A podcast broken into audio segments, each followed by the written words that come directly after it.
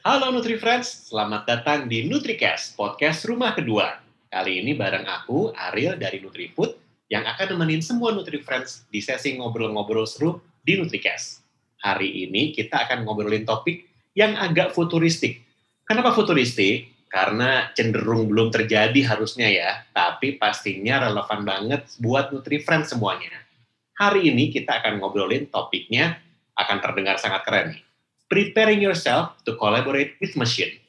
Biasanya kita kolaborasi sama orang, sama pihak lain, sama pihak eksternal. Tapi sekarang kita uh, mau diskusi tentang memper, bagaimana mempersiapkan diri berkolaborasi dengan mesin. Stay tune, always stay tune. Inilah NutriCast, podcast rumah kedua.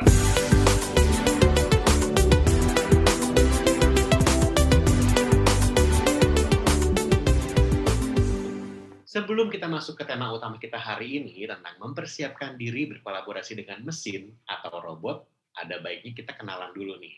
Mudah-mudahan dengan kenalan, Nutri Friends bisa semakin nyaman dengan diskusi hari ini.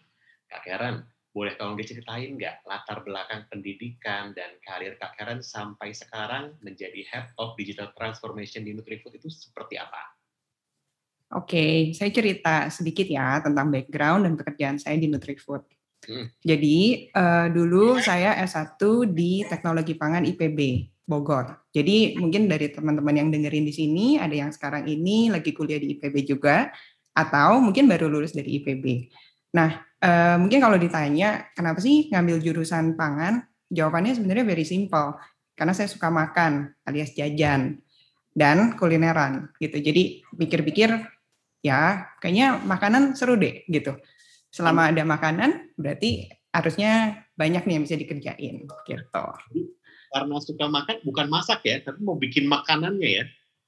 Suka makan dan kebetulan benar suka masak juga Lil gitu. Jadi waktu dulu tuh as simple as gitu ya. Oke okay lah kalau misalnya bikin makanan kan seru nih. Terus kalau misalnya makan terus pasti saya kepake nih bikin makanan dengan teknologi-teknologi apa sih dulu tuh teknologi-teknologi makanan gitu. Terus hmm. kepikiran juga kayak tapi ilmunya ini memang pasti bisa kepake nih gitu. Kalau saya uh, apa nggak bisa masak bisa at least mungkin jualan makanan. Okay. atau kalau misalnya ternyata related sama masak-masak hmm. itu bisa kepake juga tuh. Misalnya jadi mama-mama one day gitu. Terus jadi bisa masakin buat di rumah kan kepake juga tuh gitu.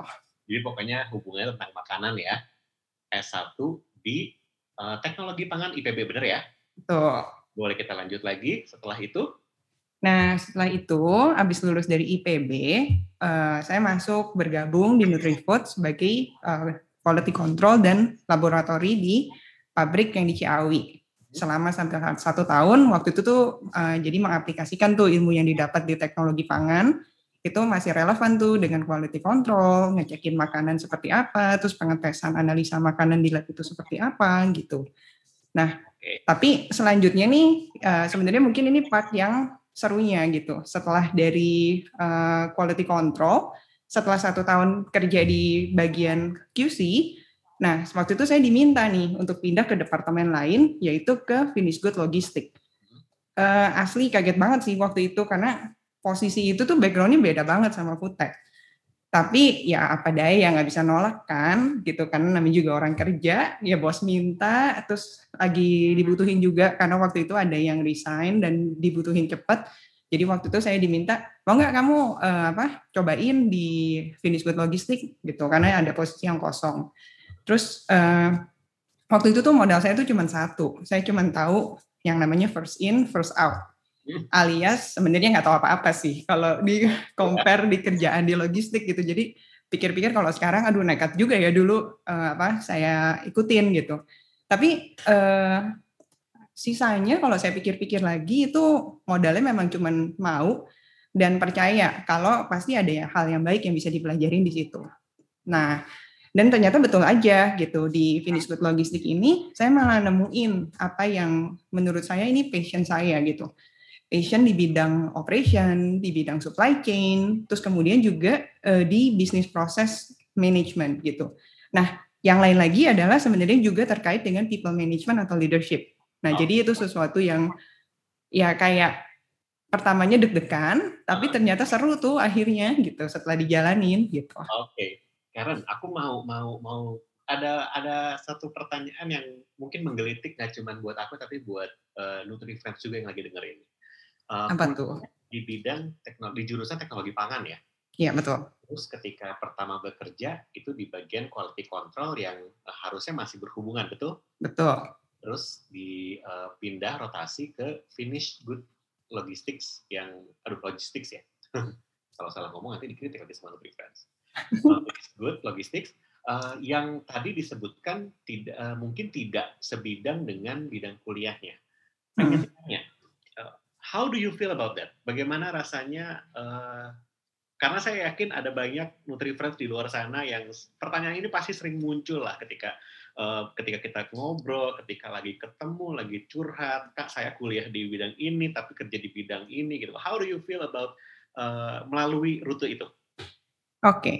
Um, sebenarnya ya, ini uh, jujur nih, waktu itu tuh setelah satu tahun di quality control, itu bisa dibilang saya lagi ada di persimpangan jalan, ya Persimpangan jalan tuh apa sih gitu? Jadi kalau ditanya lagi kan pride seorang teknologi pangan itu adalah sebenarnya menjadi seorang research and development. Yeah. Jadi itu keren banget kalau anak food tech bisa jadi R&D tuh is so proud gitu jadi ya. sama, aku juga kayak gitu waktu itu gitu. Jadi aku pikir, wah ini pengen banget jadi R&D nih gitu. Terus pas diterima, wah quality control gitu. Nah setelah menjalani, ya otomatis senang sih senang gitu karena pertama kerja, terus belajar hal yang baru, ada banyak hal yang baru gitu. Nah itu tuh sesuatu yang seru gitu. Nah tapi di satu tahun itu saya ada di persimpangan jalan sih dalam arti should I keep on go going on di uh, quality control ini yang nggak sesuai sama passion saya yang dulu sebagai idealis anak baru lulus kuliah tuh pingin banget nih ngejar research and development gitu. Nah, jadi di persimpangan jalan itu tuh kok pas banget gitu. Ini kayak ada Tuhan menjawab doa mungkin gitu oh. kali ya. Okay. Gitu jadi nah tapi yang ditawarin tuh adalah posisinya tidak sesuai yang saya mau gitu. Jadi kayak di finish good logistik mau nggak cobain hal yang baru. Jadi jujur saat itu yang terasa atau respon pertama itu adalah anxious sih sebenarnya gitu kayak aduh ini pilihannya saya saya suka nih Nutrifood fun terus apa kerjaannya juga di factory lapangan banget saya suka gitu. Tapi diperhadapkan di pilihan yang wow ini satu yang saya know nothing bener-bener gitu. Jadi waktu itu tuh bisa dibilang ya kayak tadi saya bilang modalnya itu cuma first in first out gitu. Karena dulu di teknologi pangan tuh ada namanya uh, ilmu apa sih teknologi pergudangan lah gitu. Jadi tahunya first in first out doang sama yaitu menyimpan barang yang benar gitu. Nah waktu itu pas ditawarin itu sih ngerasa kayak waduh bisa nggak ya? Gitu. Tapi uh, again kita kan nggak sendirian gitu. Jadi uh, saya belajar untuk percaya gitu. Percaya juga sama atasan saya pasti dia punya reason nih kenapa sih kok saya diminta untuk mengisi posisi itu gitu. Kadang-kadang orang lain tuh bisa melihat diri kita tuh lebih baik loh, potensi kita lebih baik loh dibandingin kita sendiri gitu. Dan it's really something yang cukup common di Nutrifood ini. Mungkin di podcast-podcast yang sebelumnya, podcast sama waktu itu sama Cidian Mariani atau sama Pak Mardi juga sempat singgung gitu kalau apa yang kita punya background kita sekarang nih yaitu it's it's uh, apa ya, it's a title gitu tapi waktu kita kerja bisa jadi kesempatan yang kita mau itu nggak selalu ada. Jadi waktu itu sih saya uh, saya ingat juga manajer saya pernah bilang gitu, jangan bilang enggak dulu, cobain aja dulu. Nah jadi ya I'm grateful punya leader yang encouraging gitu. Jadi ya waktu itu saya ingat ah saya nggak mau close the door ah gitu. Saya nggak mau apa dengan idealisme saya tapi saya just mau ya udahlah cobain aja gitu karena ya kalau nggak pernah coba kita nggak tahu gitu jadi ya udah terus jadi waktu itu benar-benar uh, ya udah cobain dulu. Dan waktu itu tuh is a very fast transition ya gitu. Maksudnya benar-benar kayak saya tanya waktu itu oh kan tahunya kan one man notice dong kalau misalnya ada yang resign kan? Oh ya udahlah santai masih sebulan lagi. Terus saya tanya sama manajer saya kapan saya mesti pindah? Minggu depan. Loh kok minggu depan? Saya bilang kan sebulan katanya. Lah kan dia udah minta resign dari kapan-kapan katanya dia. Hmm. oh ya udah oke. Okay. jadi it's saya nggak punya banyak pilihan tapi kalau saya refleksiin lagi ke sini mungkin by that time kalau saya kebanyakan mikir mungkin saya udah ninggalin Nutrifood ini sejak dulu kala gitu sejak saat itu karena saya mikir jadi oh saya masih mau ngejar lah R&D dan segala macam gitu jadi ya itu mungkin uh, my story gitu untuk cobain aja dulu karena ya itu kadang-kadang orang lain bisa lihat kita lebih baik dari kita lihat diri sendiri loh gitu. Yes, yes. diulang-ulang tadi. So I'm officially encouraging everyone di luar sana yang lagi bimbang, lagi ada di persimpangan jalan mungkin Kak Karen ya. Biar Betul sekali. Dengan tutup pintunya, siapa tahu orang lain bisa melihat yang uh, bisa melihat lebih dari yang kita lihat. Selesai Betul. dari situ, why don't we move to Belanda? What happened in Belanda, Karen? What happened in Belanda? Oke, okay, jadi nah tadi lanjut lagi ya di yeah. Finish Good Logistik. Tadi saya menemukan passion saya gitu. Nah, tapi nggak bisa dipungkirin uh, bekerja di tempat atau di bidang yang tidak sesuai dengan background kita, itu kita akan sampai pada satu poin habis nih udah ilmunya nih udah habis nih gitu. Karena waktu itu benar-benar saya belajar autodidak, terus benar-benar belajar dari tim, mendengarkan tim, terus membangun, memperbaiki barang-barang dengan tim gitu. Jadi waktu itu saya bisa bukan karena seorang Karen, tapi karena memang tim yang kita berkolaborasi sama-sama untuk uh, departemen kami gitu. Nah tapi setelah empat tahun itu saya ngerasa kayak, aduh udah nih, kayaknya ini udah nggak ada lagi yang bisa dibagi nih gitu. Karena saya percaya as a leader itu kita perlu untuk bisa terus belajar dan terus membagi apa yang kita punya itu ke tim kita gitu. Nah jadi that time udah kecebur di Venus Good Logistik, ketemu uh, passionnya seru banget. Hmm. Tapi saya ngerasa kayak ini udah mentok nih gitu. Kalau saya nggak belajar hal yang baru atau saya nggak sekolah lagi, ini saya bakal jadi dry gitu. Dry-nya dan juga tim saya juga akan jadi dry gitu. Jadi ya waktu itu kebetulan saya berkesempatan untuk S2 di Belanda gitu. Nah, sebenarnya mimpi untuk sekolah di luar negeri itu sebenarnya sudah ada sejak SMP gitu. Nah, saat itu sambil cari-cari kan, jadi ya during apa selama ngerjain di Finish Good Logistik, kemudian cari-cari sekolah, waktu itu nemuin sekolah yang menurut saya, oh ini gua banget nih gitu. Jadi di uh, University of Twente di Belanda waktu itu ada satu uh, jurusan itu adalah di Industrial Engineering and Management. Nah, jurusan itu ada satu spesialisasi itu yang pas banget gitu sama apa yang uh, saya kerjakan waktu itu itu di Production and Logistic Management gitu. Jadi, nah itu sesuatu yang saya uh, so excited waktu itu, tapi ya perjalanan untuk mendapatkan funding dan beasiswa itu takes me like three years gitu. Jadi dari satu tahun masuk di Finish Good Logistik uh, terus kemudian oh udah pengen sekolah udah excited pengen sekolah karena tadi mungkin ya aduh nih nggak sesuai background nih yang bener seperti apa nih gitu tapi ya tadi sambil berjalan ternyata akhirnya bisa sekolah di Belanda gitu nah jadi ya itu ya. satu turning point juga tuh gitu tadi siap-siap tiga tahun kan ya tiga tahun jadi kalau Nutri Friends yang lagi siap-siap, lagi bersiap-siap untuk nyari beasiswa, kalau masih setahun, satu tahun setengah, sabar aja dulu ya. kita lanjut Betul sekali. Kita lanjutkan setelah uh, tadi akhirnya kuliah ke sana. Apa yang paling diingat sih di Belanda? Makanannya pasti nih. Uh, jalan-jalan yang paling diingat di Belanda.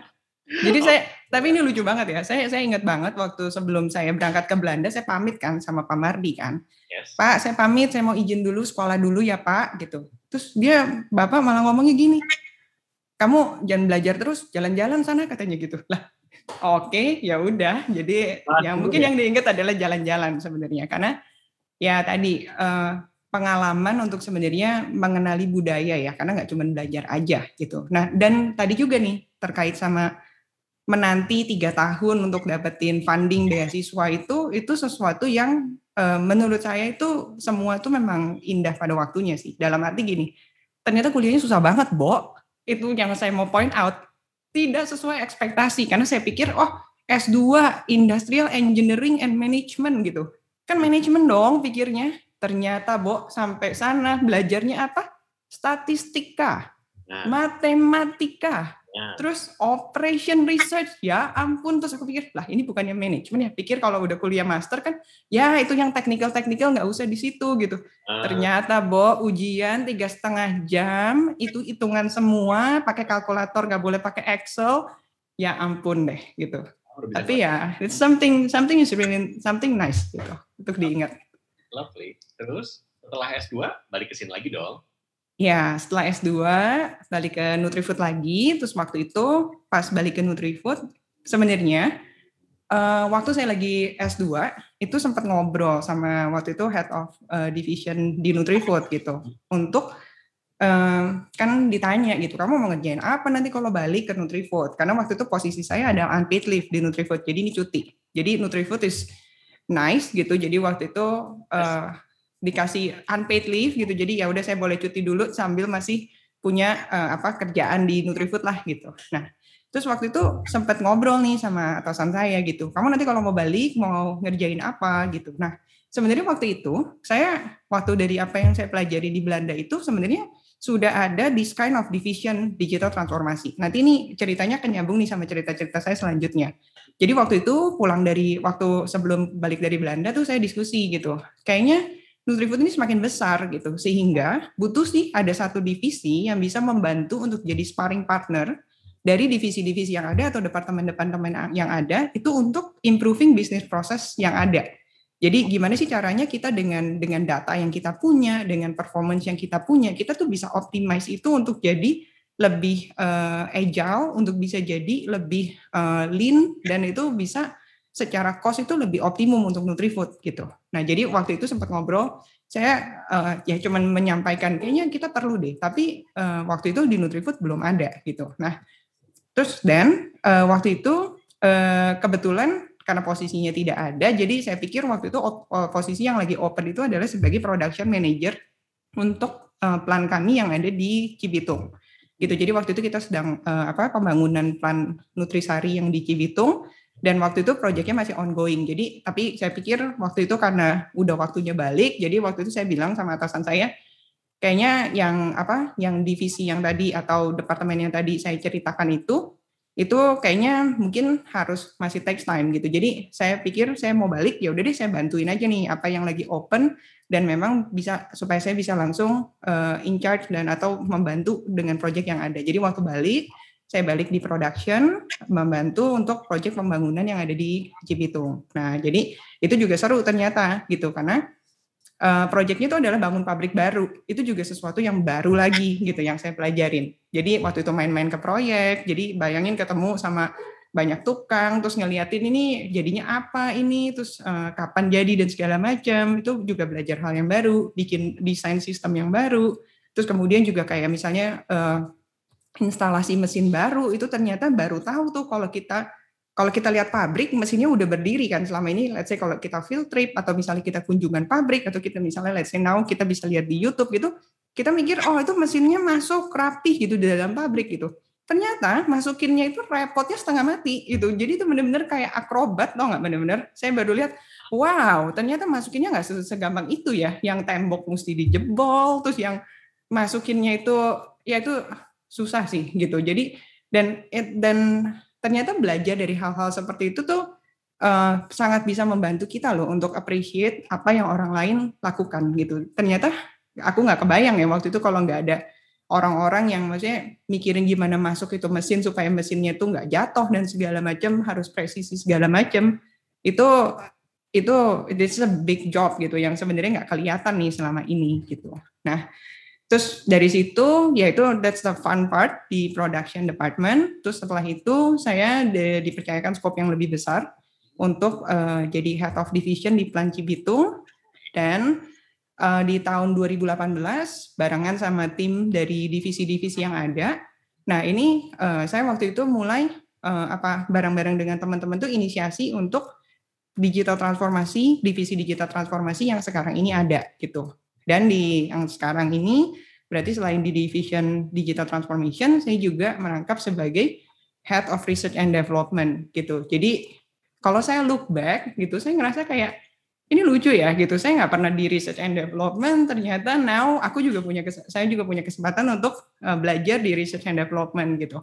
Terus kayak kalau look back lagi ternyata apa yang dilakukan nih di division uh, digital transformation ini itu sesuatu yang juga saya dulu pernah pingin gitu punya kayak ini tuh butuh deh Nutrifood dan ternyata it's something come true gitu tanpa mungkin saya nggak pernah saya nggak pernah even ngobrol ini gitu ke ke Pak Mardi atau ke yang lain gitu.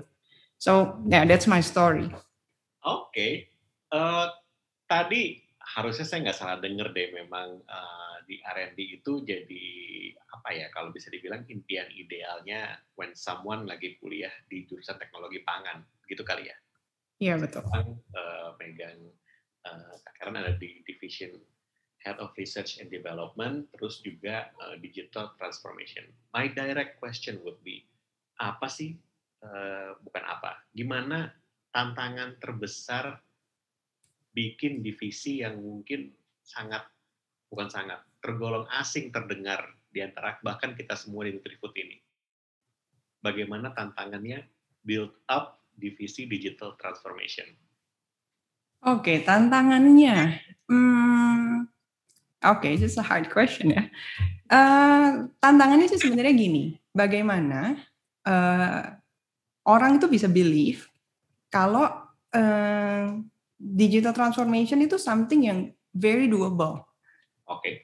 Uh, gini, banyak hal dan banyak kali nih kalau saya ngobrol, orang tuh salah tangkap tentang digital transformasi. Hmm. Ini hampir maybe 90% my survey gitu. Karena setiap kali saya nanya uh, atau cerita, oh saya kerja di sebagai uh, divisi digital transformasi gitu. Itu pasti orang akan mikir gini, oh IT ya gitu. No, aku bilang gitu. Terus gitu, oh high tech, this is something yang high tech nih pasti nih. Ngomongin pakai uh, ya sekarang orang udah bisa ngomong AI, machine learning gitu. Wah ini high tech banget nih. Apa yang kamu lakuin di digital transformasi gitu? Atau big data. Oh, nah big data betul. Terus itu kayak cloud. Wah ini canggih banget nih. Pasti kamu otomatisasi semua prosesnya ya. Ini mau gantiin orang sama robot ya? No, sebenarnya itu bukan itu gitu. Digital transformasi itu is far beyond yang tadi disebutin tuh kayak IT atau tadi robot, misalnya big data, AI is a technology gitu. Jadi menurut saya penting untuk kita bisa punya terminologi yang benar, memahami terminologi yang benar supaya kita bisa melakukan dengan benar. Nah, ternyata banyak hal nih setelah dijalanin dari tahun 2018 lah gitu. Itu banyak orang yang tadi persepsinya berbeda gitu. Jadi karena tadi pemahamannya salah, sehingga itu kadang-kadang menutup orang untuk tidak mau uh, terlibat gitu. Karena tadi, aduh gue mah bukan orang IT, gue nggak ngerti gini-beginian gitu. Ya saya juga bukan orang IT, saya ini teknologi pangan. Okay. Saya ngerti gimana caranya bikin nasi goreng yang enak gitu, tapi suruh coding saya juga nggak bisa gitu. Jadi ya don't don't don't uh, understand me. Uh, maksudnya itu bukan tentang segitunya gitu. Apakah saya juga bukan orang yang canggih banget gitu. Uh, kayak misalnya oh saya pasti bisa bikin coding nih. Kalau ada masalah, ada bug saya bisa solve gitu. Enggak gitu. Nah, tapi digital transformasi itu sebenarnya kalau boleh sharing gitu, itu adalah tentang tiga hal penting. Yang yeah. pertama itu adalah people, yang kedua itu adalah proses, dan yang ketiga itu adalah teknologi. Kita ulang coba ya. Oke. Okay. Proses and technology. Yes, betul. Continue. Nah, tadi kalau misalnya uh, kita udah bisa paham nih people, proses sama teknologi. Nah, teknologi itu sebenarnya part terakhir. Yang menjadi tantangan adalah bagaimana caranya kita bisa mengkolaborasikan atau mengkonekkan si people, proses dan teknologi itu untuk pada akhirnya menghasilkan data yang datanya itu bisa dipakai untuk mengambil keputusan yang lebih baik dan lebih cepat. Mm-hmm. Jadi that's the goal of digital transformasi. That's the goal kenapa sih perlu ada digital transformasi gitu. Nah uh, terkait dengan itu, kalau misalnya ditanya apa sih yang paling menjadi challenge? Nah sebenarnya yang paling menjadi challenge itu justru adalah dari sisi people dan di sisi prosesnya. Mm. Jadi dua yang pertama itu yang lebih challenging gitu. Oke. Okay.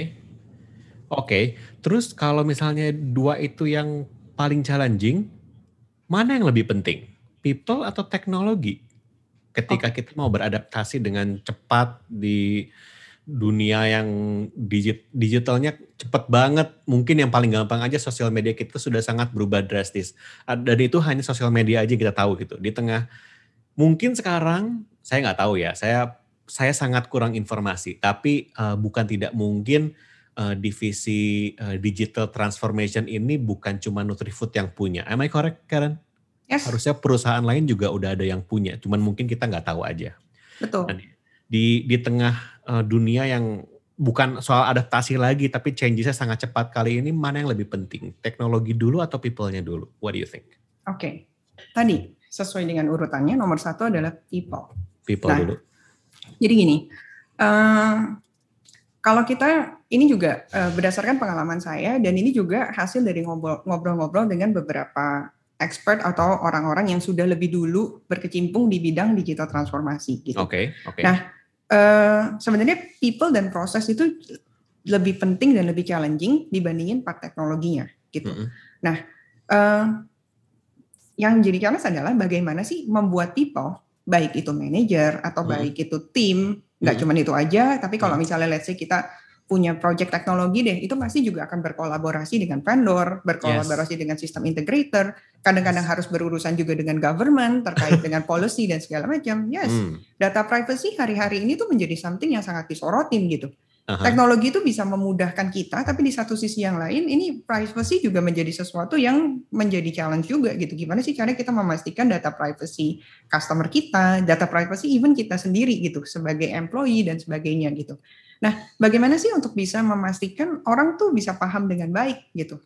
Itu mm -hmm. sisi people-nya. Yes. Bagaimana sih orang itu bisa menerima perubahan ini itu dengan dengan baik bukannya eh, apa bukannya malah menghalangi perubahan tapi justru malah ikut dalam perubahan itu okay. gitu.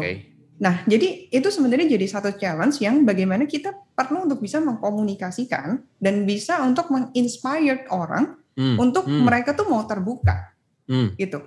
Nah, uh, mungkin salah satu contoh ya, uh, eh, yeah. dulu di Plan itu kita punya satu project nih, yang sebenarnya ini juga yang mungkin membuat kenapa digital transformasi itu menjadi something yang seru gitu. Yes. Itu adalah di tahun 2015, kita 2015, waktu hmm. itu belum banyak yang memikirkan soal kita mau punya plan atau digital factory gitu. Jadi hmm. waktu itu uh, Pak Mardi uh, minta tim pabrik nih untuk coba dong kalian uh, explore nih si smart manufacturing hmm. gitu karena itu satu yang cukup hype di US waktu itu dan ternyata waktu saya baca-baca lagi itu ternyata di Eropa juga cukup banyak gitu karena pergerakannya mereka itu itu namanya industri 4.0 gitu.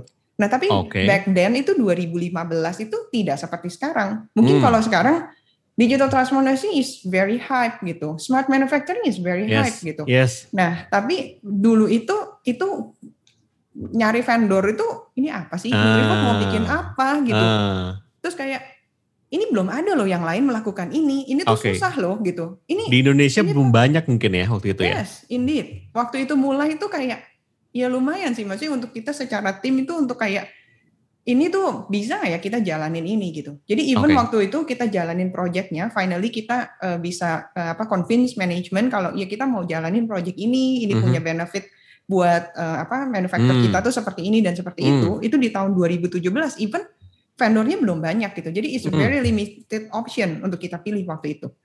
Nah, tapi tadi setelah project itu jalan, Uh-huh. Tantangan yang terbesar itu adalah di change management sebenarnya. Yes. Change management yes. apa? Kebayang. Change management people dan change management prosesnya. Kebayang, kebayang. Jadi saya waktu itu uh, apa? Saresehan nih. Gitu. Uh-uh. Saresehan sama tim uh, pabrik. Jadi ada jadwal saresehan itu atau ngobrol-ngobrol yes. santai gitu ke semua departemen yang ada di waktu itu divisi Plan Cibitung. Mm-mm. Pertanyaan yang muncul di semua departemen itu adalah seperti ini What's that? Mbak Karen, ini kita tuh smart manufacturing, smart manufacturing. Kita mau uh, mau gantiin semua orang itu sama mesin. Yes. It's very relevant with the topics today, yes. right? Nah, pertanyaannya tuh seperti itu, gitu.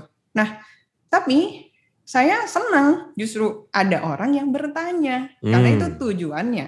Yes. That's the key of digital transformation. That's the starting point of digital transformation. Karena kalau nggak ada yang nanya, berarti nggak ada yang peduli.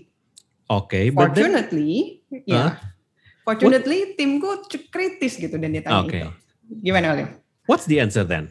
Ketika ditanya gitu, what's your answer? Nah, pas ditanya itu, saya ajak mereka untuk berpikir. Uh. Oke, okay. waktu itu mungkin pertanyaannya around 2018 atau 2019 ya, mungkin mm -hmm. di 2018. Nah, mm -hmm. pas banget saat itu uh, di 2018 itu Presiden Jokowi itu baru melaunching satu program nasional namanya Making Indonesia 4.0 which I very glad akhirnya Presiden Jokowi bikin program itu. Wow. Kenapa? Karena look at us Indonesia.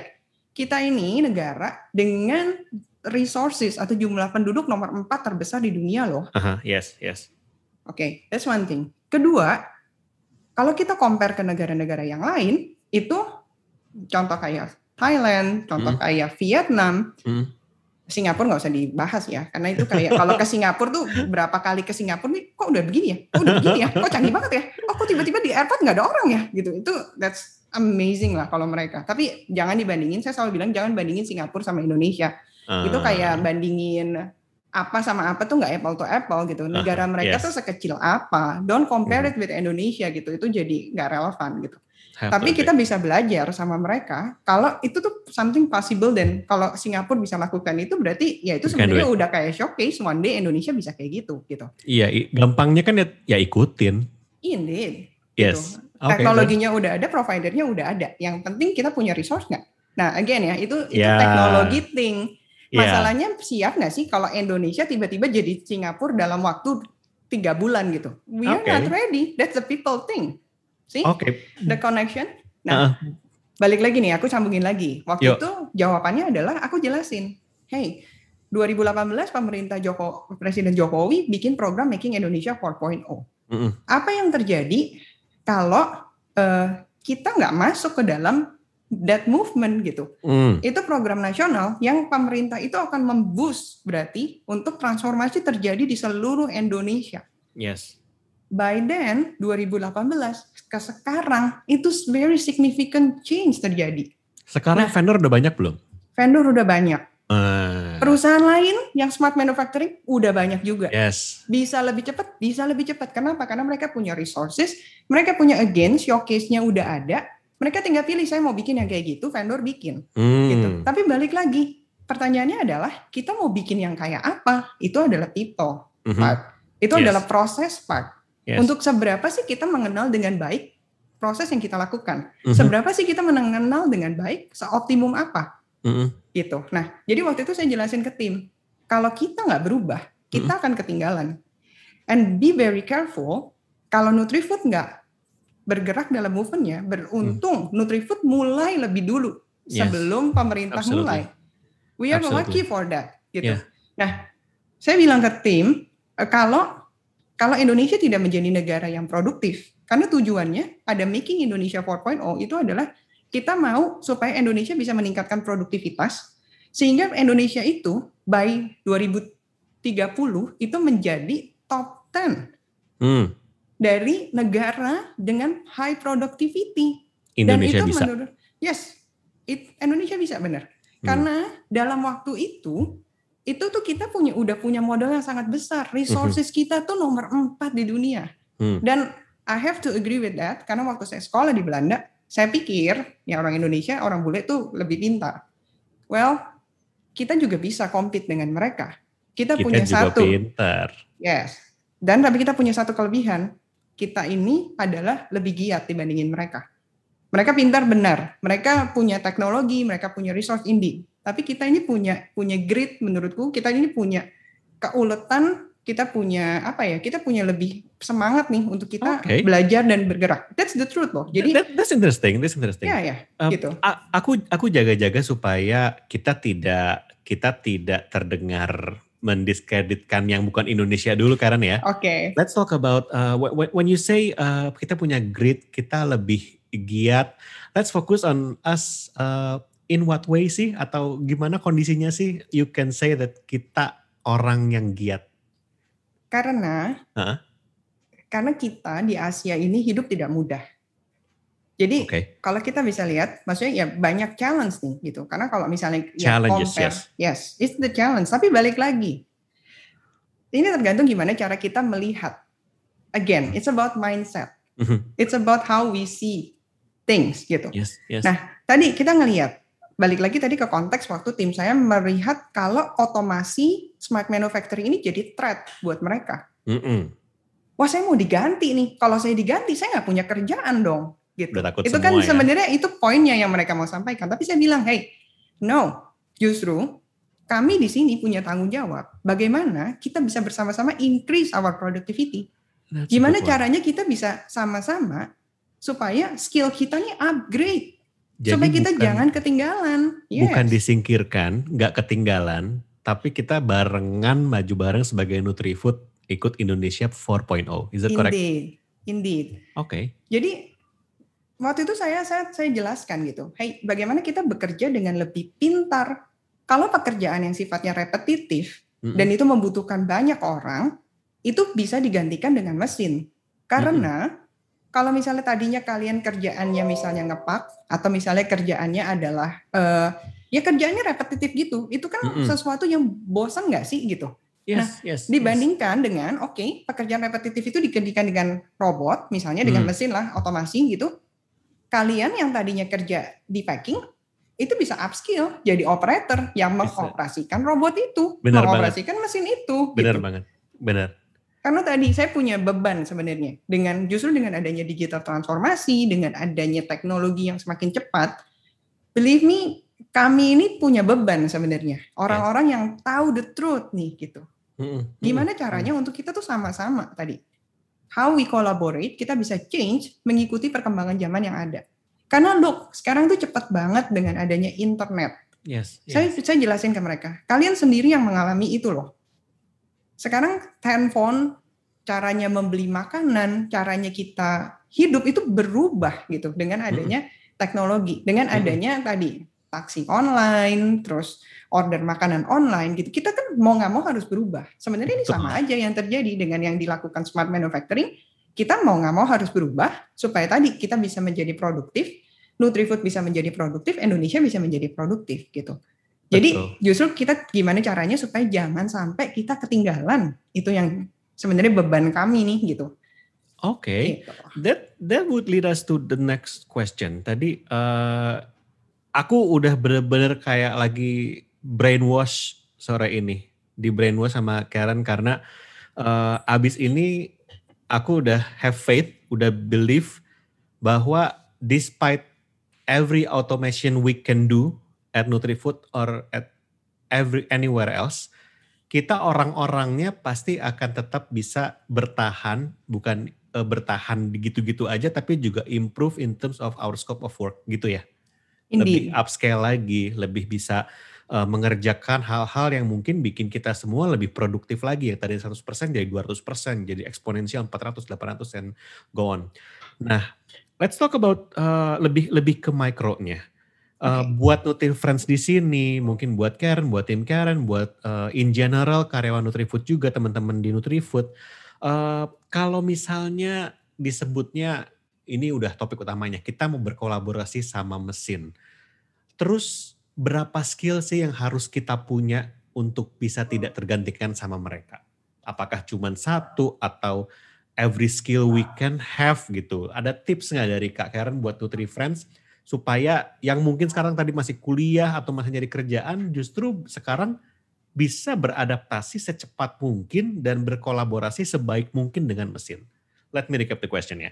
Jadi untuk kolaborasi sama mesin, skill apa aja yang perlu kita punya dan tips okay. apa untuk Nutri Friends bisa cope dengan itu? Oke, okay. um, menurut saya manusia huh? itu adalah makhluk yang paling bisa beradaptasi dengan perubahan dan perkembangan zaman. Agreed. We are human is amazing, only if we believe it. Yes. Gitu. Kadang sering kali kita yang membatasi diri kita sebenarnya. Apalagi hmm di era digital ini belajar itu sangat tidak terbatas. Mm-hmm. Berbagi itu bisa seluas-luasnya, udah nggak terbatas sama Correct. ruang dan waktu. Correct. Gitu. Kenapa? Kalau dulu mungkin kalau kita mau sharing kita mesti datang ke tempatnya. Sekarang dengan ada teknologi is only one click away. Kita di mau sharing. Aja kita bisa belajar joget. Betul. gitu. Kan? Terus kayak misalnya juga dengan adanya teknologi kita bisa cari materi dari YouTube tuh zaman kapan punya gitu. Hmm Bayangin kalau kita offline kan harus training saat itu, datang saat hmm. itu, yang nggak datang nggak dapat, nggak bisa belajar gitu. Sekarang ini is no excuse untuk kita nggak bisa belajar atau kita nggak kekurangan resources, no excuse for that gitu. Yes, nah, yes. sama satu lagi adalah sebenarnya bagaimana kita ini bisa semakin bermanfaat dengan tadi apa yang kita pelajari dan ilmu yang kita punya. Nah, okay. tadi saya sempat singgung terkait yang paling penting itu adalah change management. Change in terms management. of in terms of apa? Pertama yang paling penting adalah perubahan mindset sebenarnya. Mm -hmm. Nah, kuncinya itu adalah miliki growth mindset gitu. Jadi growth mindset, mindset yang terus berkembang, terus bertumbuh gitu. Itu apa sih growth mindset itu? Kemauan untuk terus belajar, terbuka mm -hmm. dan mengeksplor hal-hal baru sesuai dengan perkembangan zaman yang ada. Being Itu yang- relevant. Itu yang pertama loh ya, growth mindset. Oke, Betul. go on. Nah, Selain kemampuan kemauan kita untuk terus belajar, Hmm. hal yang baru especially atau kemampuan kita untuk learn gitu. Nah, jadi kalau di podcast podcast yang sebelumnya itu juga sempat salah satu nih kalau mau join di Nutrifood itu pasti yang cari adalah si continuous learner, yes. lifetime learner. Tapi Yes. menurut saya itu bukan cuma buat di Nutrifood aja sih gitu, tapi Di mana itu aja adalah di mana aja. Itu itu itu adalah something itu adalah value sebenarnya gitu. Yes. Tapi yang nggak kalah penting sebenarnya untuk learn, selain learn itu adalah yang nggak kalah penting adalah untuk unlearn. Oke, Unlearn itu It- apa sih gitu? Kok tadi suruh belajar, sekarang suruh jangan belajar. Ini gimana nih gitu? what to unlearn? What to unlearn? What to unlearn adalah kita perlu berhenti untuk belajar sesuatu yang nggak relevan. Nggak berarti semua orang lakukan terus kita harus lakukan juga. Wow. Again ya, Wow. people. Nggak Oke. berarti gini loh. eh, tidak berarti kita harus bisa segalanya. Yes. Ini masih nyambung yes. ya sama Iya, sama topiknya iya. kita kolaborasi sama mesin gitu. Uh-uh. Nggak berarti kita harus bisa segalanya gitu. Jadi kita harus tahu nih gitu who we are gitu. Apa sih yang kita mau? Purpose-nya kita tuh mau ngapain gitu. Mm-mm. Sehingga Mm-mm. kita harus belajar apa? Hey, time is limited. It's impossible to learn everything. Kita harus bisa memilih kemampuan untuk memilih dan tadi kita harus dengan waktu yang terbatas ini kita harus pilih apa yang mau kita pelajarin, apa yang mau kita unlearn dulu, nggak perlu dipelajarin gitu. Dan sama satu lagi adalah relearn, mempelajari lagi sesuatu yang mungkin dulu kita udah pernah tahu. Oke. Ini saya di R&D nih salah satu proses saya untuk relearn sebenarnya. Karena bisa dibilang kalau ngelihat eh, apa pengalaman kerja saya, itu saya cuma satu tahun tuh belajar sesuatu yang berhubungan dengan teknologi pangan. Mm-mm. Mm-mm. Sisa waktunya eh, nggak usah disebutin jadi malu nanti udah lama. Itu Gak apa-apa gimana gimana sisa waktunya sisa waktunya apa? setelah itu tuh saya lebih banyak belajar tentang operation, lebih belajar Oke. tentang manajemen dengan bisnis proses, something yang di luar tadi si apa si teknologi pangan saya. Tapi di kesempatan ini waktu saya jadi head divi- eh, di research and development, ini saya learn lagi. Jadi ini kesempatan saya untuk waduh cukup bentar, ilmu-ilmu teknologi pangan ternyata lumayan nih masih ada beberapa nyantol gitu ya. Walaupun nggak bisa dibandingin dengan manajer-manajer saya yang udah pasti lebih top Oh, no, market no. top gitu. Tapi Beda. at least I know I have sense this is strange gitu kalau ada sesuatu ya gitu karena kan Oke. Ya jadi itu jadi kesempatan saya untuk belajar gitu. Jadi waktu saya nanya, waktu saya ngobrol sama mereka juga saya masih bisa up. Ah, this is something yang dulu saya belajar loh. Oh, ternyata aplikasinya tuh kayak gini gitu. That that keep me learning gitu. Nah, Oke. tadi itu kemampuan untuk learn, unlearn dan Sama relearn. relearn. Yes. Karen, aku boleh sebentar ya. Aku mau point out bahwa eh, semoga ini tidak kelihatan kita one sided ya karena kita sama-sama kerja di Nutrifood. Oke. Uh, I want to point out to some Nutri friends yang lagi dengerin ini, uh, aku mau mau mau point out dua hal yang tadi Karen sebutin. Yang pertama, di sini mungkin dua hal ini, dua poin ini satu hal yang sama sih bahwa Nutrifood sangat senang dengan semangat untuk belajar. Yang pertama, Indeed. uh, Karen adalah salah satu dari banyak teman-teman di Nutrifood. Aku akan sebut lagi ya, salah satu dari banyak teman-teman di Nutrifood yang diberi kesempatan untuk melanjutkan jenjang pendidikan tanpa perlu meninggalkan perusahaan. Betul ya Karen? Yes, indeed. Ya itu poin pertama. Kedua semangat belajarnya tadi eh, kita juga baru baru mungkin ada yang baru dengar soal learn, unlearn dan relearn. Eh, Karen cerita soal bagaimana bisa meskipun eh, kuliahnya udah belajar tentang teknologi pangan, terus mengerjakan hal yang lain lagi dan sekarang belajar lagi dari eh, teman-teman lain yang mungkin punya lebih banyak pengetahuan, bukan lebih banyak, pengetahuan berbeda-beda tentang satu bidang yang sama. Dan aku mau out bahwa itu eh, teman-teman NutriFriends itu kerasa banget. Nggak cuma buat Karen tapi buat aku juga di keseharian aku bekerja, it's uh, there's always something new to learn. There's always someone yang buat aku mereka better. Mereka better dan I have to learn from them. Gitu ya. Indeed. Semoga nanti teman-teman uh, NutriFriends yang ada kesempatan ke NutriFood atau bekerja buat NutriFood bisa ngerasa hal yang sama juga. Iya, setuju sekali. Oke, kita lanjut lagi. Ups. Wow, Real, tapi aku mau nambahin satu, Real.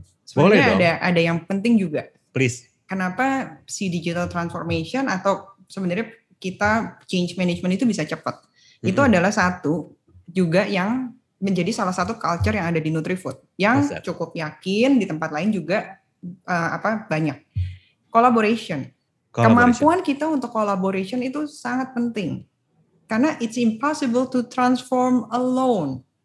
Banyak orang yang berpikir saya mau jadi very skillful gitu. Yes. Yes, Tapi these days banget. tidak bisa gitu. Bener I have to say tidak bisa gitu. Karena coba even kita lihat deh uh, company-company high tech di dunia, mereka is not no longer competing, they are collaborating. Itu yeah. udah jadi satu contoh bukti gitu. Nah, kita sebagai orang, mungkin kalau kita lihat diri kita ini sebagai our own entity, ya mm. we have to be able to collaborate gitu. Mm. Nah, untuk collaborate ada banyak hal yang harus dipelajarin di situ. Kita mm. harus bisa punya critical thinking, untuk kita bisa collaborate, kita mesti empathy juga, bisa berkomunikasi, creativity-nya juga harus ada gitu. Harus mm. punya vision. Nah, that's a lot of things yang kalau misalnya itu dibutuhkan tuh untuk tadi untuk kita bisa berkolaborasi sama orang lain gitu. It's never about ourselves, tapi di saat kita mikir untuk sebagai satu komunitas atau sebagai satu grup untuk kita make this uh, world of this place better, ya yeah, we have to collaborate gitu. Okay. Karena itu yang akan buat segala proses perubahan itu jadi cepat. Itu sih yang aku rasakan ya. Dan itu sebenarnya juga kerasa banget di NutriFood yang yes yang tadi maksudnya is very easy. Nah makanya kalau dibilang sebenarnya tugas saya nih sebagai seorang head of digital transformation itu mm -hmm. bisa dibilang maybe 50% itu sudah selesai atau selesai lebih awal karena our HR, our management itu kita semua nih even Nutrifooders mm -hmm. itu sudah melakukan tugas untuk tadi untuk di part people dengan culture yang baik, organisasi yeah. yang positif yes. itu tuh very helpful gitu kita udah kolaborasi in our own ways ya.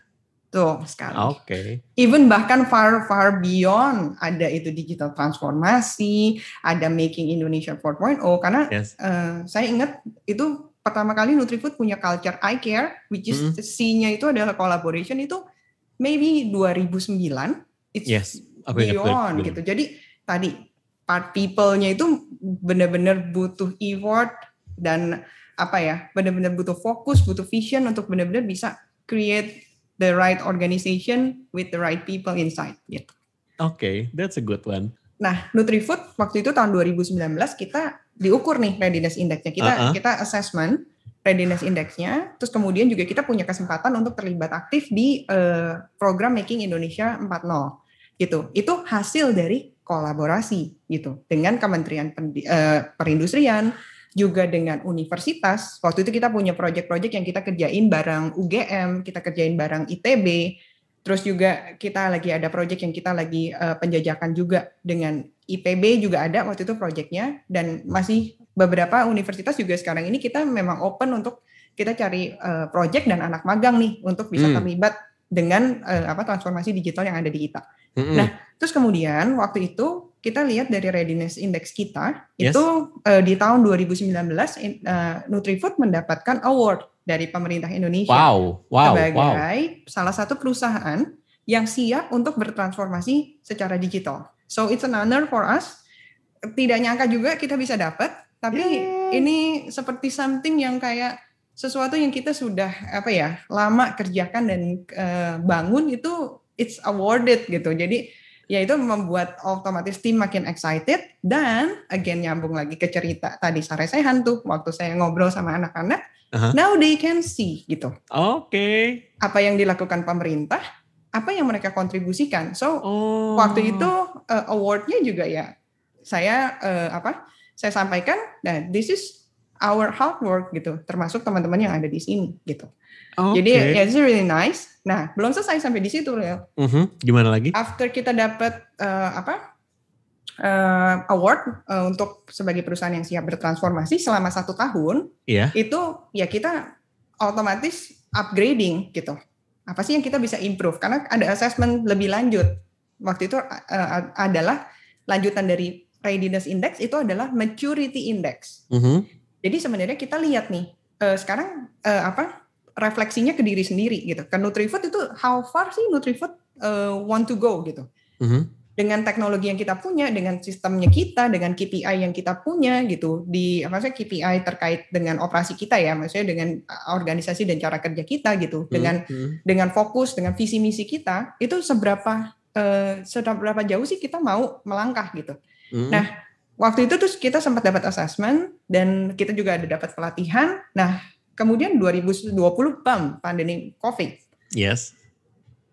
Apa yang kita ini kalau kebayang pandemi Covid itu banyak hal dan maksudnya ini everything is slowing down gitu dan semua harus berubah dengan cepat.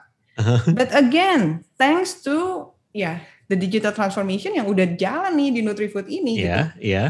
Ini tuh COVID itu bisa dibilang itu jadi a real test gitu dengan apa yang uh, kita udah bangun selama ini. Yes. Jadi balik lagi, it's about mindset. Kita mau yeah. lihat COVID itu sebagai threat atau justru we are bisa ngelihat kita sebagai tim kita lihat kesempatan nih gitu. Karena kalau nggak hmm. pernah ada pandemi, sistem kita tuh nggak pernah di pressure segitu apa ya, segitu kuatnya gitu kita ya kan? kayak di, kayak diceburin ya. Yes.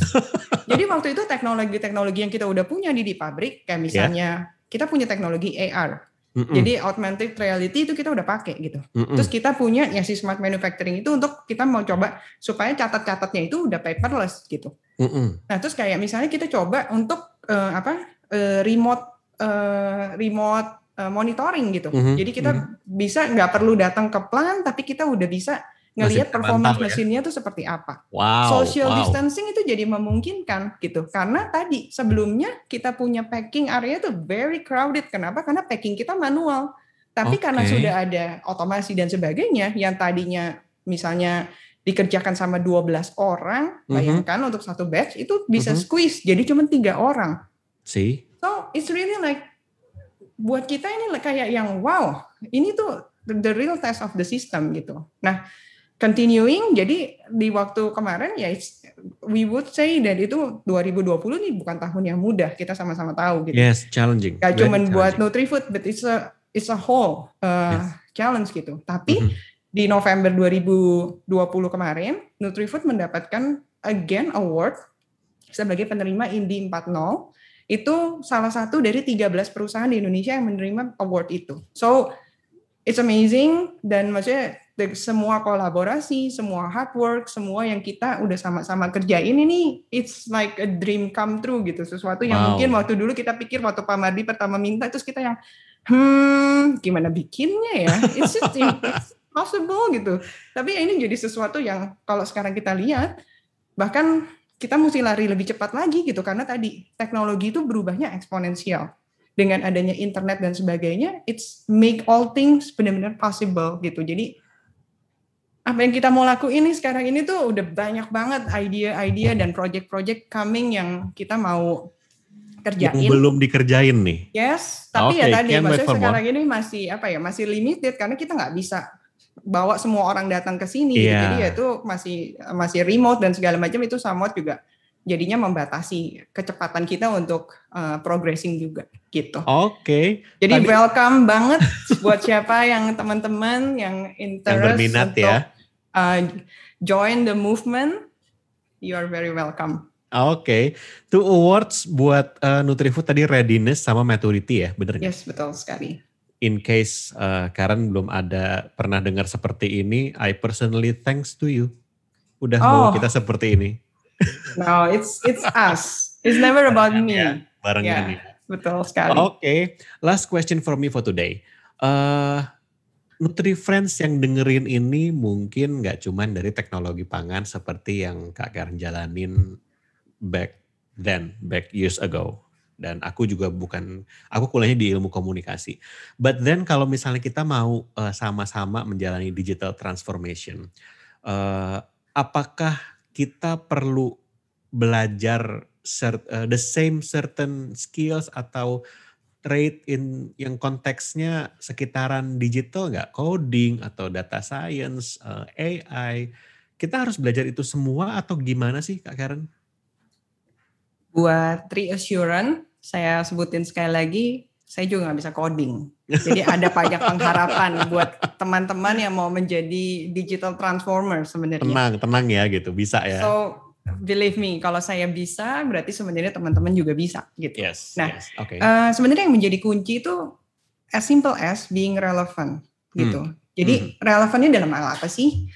Ilmunya yang teman-teman pelajari saat ini, apa pun hmm. backgroundnya teman-teman, itu hmm. bisa loh akan bermanfaat di era digital saat ini. Oke. Okay. Gitu. Jadi Tapi penting, penting banget untuk sebenarnya kita mulai dari paham nih tujuannya kita belajar uh-uh. dan menguasai skill tertentu tuh apa gitu. Jadi jangan uh, gini, these days itu ada istilah FOMO, fear of missing out. Yes, betul. Jadi kayak wah kalau semua orang bisa berarti saya harus bisa gitu. Ya uh-huh. it's good gitu, tapi uh-huh. apakah itu something within? Yes. Gitu. Apakah is that our calling gitu? Mm-mm. Why don't we just be ourselves gitu? Nah, pasti ada reason kenapa kita belajar suatu hal. Atau misalnya kenapa sih kuliah, kayak tadi saya, kenapa sih kuliah ngambil teknologi pangan? Hmm. Honestly dulu sama aja seperti teman-teman juga gitu. Mau kuliah bingung mau ngambil jurusan apa gitu. Yes. Kayaknya taunya kalau saya nggak mau saya nggak mau ambil jurusan teknik karena saya ah. kayaknya nggak pinter fisika gitu. Terus uh. kayaknya saya juga nggak mau uh, ekonomi karena kalau ngitung dulu accounting nggak balance balance itu pasti salah gitu. Beda Jadi, ya. Makanya tadi saya comes up dengan hmm oke okay lah kayaknya teknologi pangan menarik ya gitu uh -huh. makan-makan gitu sesuatu yang saya suka gitu. Nah it is the same. Gimana caranya? Okay. Nah tadi mungkin ada satu yang penting itu adalah tahu tujuannya untuk apa. Tadi kan uh -huh. udah lama nih kita udah diskusi panjang. Now I hope teman-teman nangkep gitu. Kalau hey this is a digital era. You have to go to the movement gitu. Yes. Tapi apa sih yang kita bisa lakuin? Mulai aja dari apa yang kita punya dulu gitu. Hmm. backgroundnya kita tuh apa sih gitu? Kita pengen kerja apa sih gitu? Nah hmm. explore lah apa yang kita uh, akan kerjakan nanti di masa kini dan di masa data akan datang itu nanti akan berubah kayak apa. Yes, yes. these day ada sangat banyak job yang dulu tuh nggak kebayang. Dulu job itu mungkin waktu saya masih kecil pengennya jadi dokter, pengen uh. jadi ah. arsitek gitu. Tapi siapa sih yang pernah kepikiran hari ini, hari gini itu ada youtuber? Uh. Siapa sih yang kepikiran ada game maker? Gitu? Yes. Gitu. Siapa sih di yes. day kepikiran jadi KOL bisa ngasilin yes. uang? Indeed, indeed. That's Siapa right. sih yang kepikiran hari-hari gini storytelling is something that is very needed gitu. Yes. Ariel jagonya. Wow, thank you, gitu. thank you. Tapi Dan, itu sesuatu yang yang maksudnya kan dari ilmu komunikasi mm-hmm. bisa jadi sesuatu yang ber- berkontribusi di era digital transformasi mm-hmm. ini. Mm-hmm. As simple as mungkin contohnya yang dilakuin Ariel deh gitu. Hari gini bikin cerita di iklan TV mm-hmm. sama bikin cerita advertisement di Instagram mm. itu dua hal yang berbeda. Absolutely. Ada point out point out. Itu itu sudah something di digital transformasi loh. Tanpa yes. harus coding. Uh-huh That's the skill that you can use. Gak gitu. menyebut AI di sini ya? Gak ada AI. Padahal, padahal, padahal Lil, kalau yeah. itu dicombine sama AI, wow. tulisan yang kamu taruh di di ads-nya Instagram hmm. itu bisa dicombine sama eye tracker. Kita bakal ngeliat loh. Itu tulisan itu akan point out nggak sih message yang kita mau sampaikan? Wow, wow. Yes. Another Misalnya, idea. Ya, itu something yang nanti akan bisa dikombin dengan tim tim tim data analis gitu. Yes, yes, yes. Tapi what what tulisan apa sih yang harus ditulis di situ? Itu nggak comes up dari tim data analis. Kamu nggak bisa expect yeah. eh, kamu keluarin coba angka apa gitu. Bisa, benar. Nanti mesin sekarang ini kalau kita tahu udah ada even mesin bisa bikin iklan tanpa orang sama sekali. Iklannya yes. Nike yeah. itu ada dia bikin dari semua iklan yang ada, dia coba yeah, yeah. optimize sebenarnya yang orang suka dan orang mau dengar dan orang mau lihat itu apa. Itu ada sudah terjadi gitu. Yes. Tapi again, keputusan untuk memutuskan iklan itu akan saya tampilin atau nggak tampilin itu orang yang ambil keputusannya. Nah, The decision making dari orang. Itu gitu. yang belum bisa dikejar sama mesin itu ya. Yes, indeed. So I think uh, apa ya point out uh, poinnya adalah kita masih akan di sini karena ada fungsi-fungsi yang memang Betul. Uh, harus kita lakukan. Betul. Tapi, Tapi tadi mesti tahu yes. apa yang kita bisa kontribusikan. That's a good one. That's yeah. a good one. Thank Betul. you Karen. Thank you so much. Uh, I uh, I will give you like uh, two minutes or two two to three minutes uh, certain period untuk kasih closing statement for today. Okay. Oh, It's time already. Seru banget. Kayaknya aku mau dong diundang lagi for next podcast. Eh Ila. Nah nanti kita kita tutup. sampaikan ke timnya ya. Ini timnya lagi dengerin juga nih. Tim yang lagi dengerin boleh cari topik lagi karena Karen would love untuk uh, sharing lagi di sini. Please Karen, closing statement. Oke, okay, mungkin uh, saya mau tutup dengan ini. Saya keingat sama kata-kata Pak Mardi di mm-hmm. salah satu emailnya ke tim Nutrifood di akhir tahun 2020 kemarin. Yeah. Um, kita nggak perlu takut. Karena ketakutan adalah sumber pertama dari kegagalan. So uh, I would say always look at the bright side gitu. Jangan lihat mesin atau robot atau teknologi sebagai ancaman, tapi sebagai kesempatan untuk kita belajar dan menguasai hal yang baru di luar zona nyaman kita. Belajar hal yang baru, berubah itu pasti kon, uh, apa ya, confronting our comfort zone. Tapi tidak ada orang yang bisa benar-benar grow di dalam comfort zone-nya dia gitu. Nah, miliki growth mindset. Tadi berkali-kali kita bilang yang memampukan kita untuk terus belajar, berubah, mengikuti perkembangan kehidupan yang ada. Jadi ingat juga learn, unlearn, dan relearn. Mm-hmm. Itu sesuatu yang penting saat ini. Dan kemudian di era digital ini, ini kesempatan kita tuh untuk belajar tanpa batas. Yes. Untuk berbagi seluas-luasnya tanpa batasan ruang dan waktu. Yang pada akhirnya bisa menjadikan hidup kita semakin bermanfaat bagi komunitas dan lingkungan yang ada di sekitar kita. So, kalau kita mau, pasti bakal dimampukan. So, don't worry, uh, embrace the change dan ya yeah, looking forward to have all you joining the movement. Wow. Gitu aja Olil, thank you so much. Thank you Karen. Wow, uh, wah closing, uh, uh, uh, a really strong closing statement indeed. Thank you again thank you. Karen untuk sharing hari ini buat uh, Nutri Friends yang baru dengerin. Uh, please welcome untuk dengerin lagi uh, gimana cerita Karen uh, soal how we can collaborate with machine and robot. Bisa didengerin lagi di uh, NutriCast. Dan uh, I believe ada topik-topik lainnya juga sebelum uh, NutriCast hari ini. Bareng narasumber lain. Dan yang paling penting adalah yang terakhir juga nggak cuma ini ya. Ada uh, topik-topik menarik lainnya yang masih disimpan sama teman-teman di NutriFood sama tim NutriFood untuk NutriCast berikutnya. So jangan lupa follow follow uh, sosial medianya NutriFood untuk dapat info tentang NutriCast lainnya. Uh, aku akan tutup NutriCast hari ini. Thank you again Karen untuk uh, sesi kali ini. Most welcome, Ariel. Oke, okay, Nutri Friends, uh, I will see you again sometime. Saya Ariel, NutriFood, inspiring a nutritious life. NutriFood, dari kini hingga nanti, NutriFood akan selalu di hati. Nutrifood hadirkan berjuta inovasi, inspirasi hidup bernutrisi.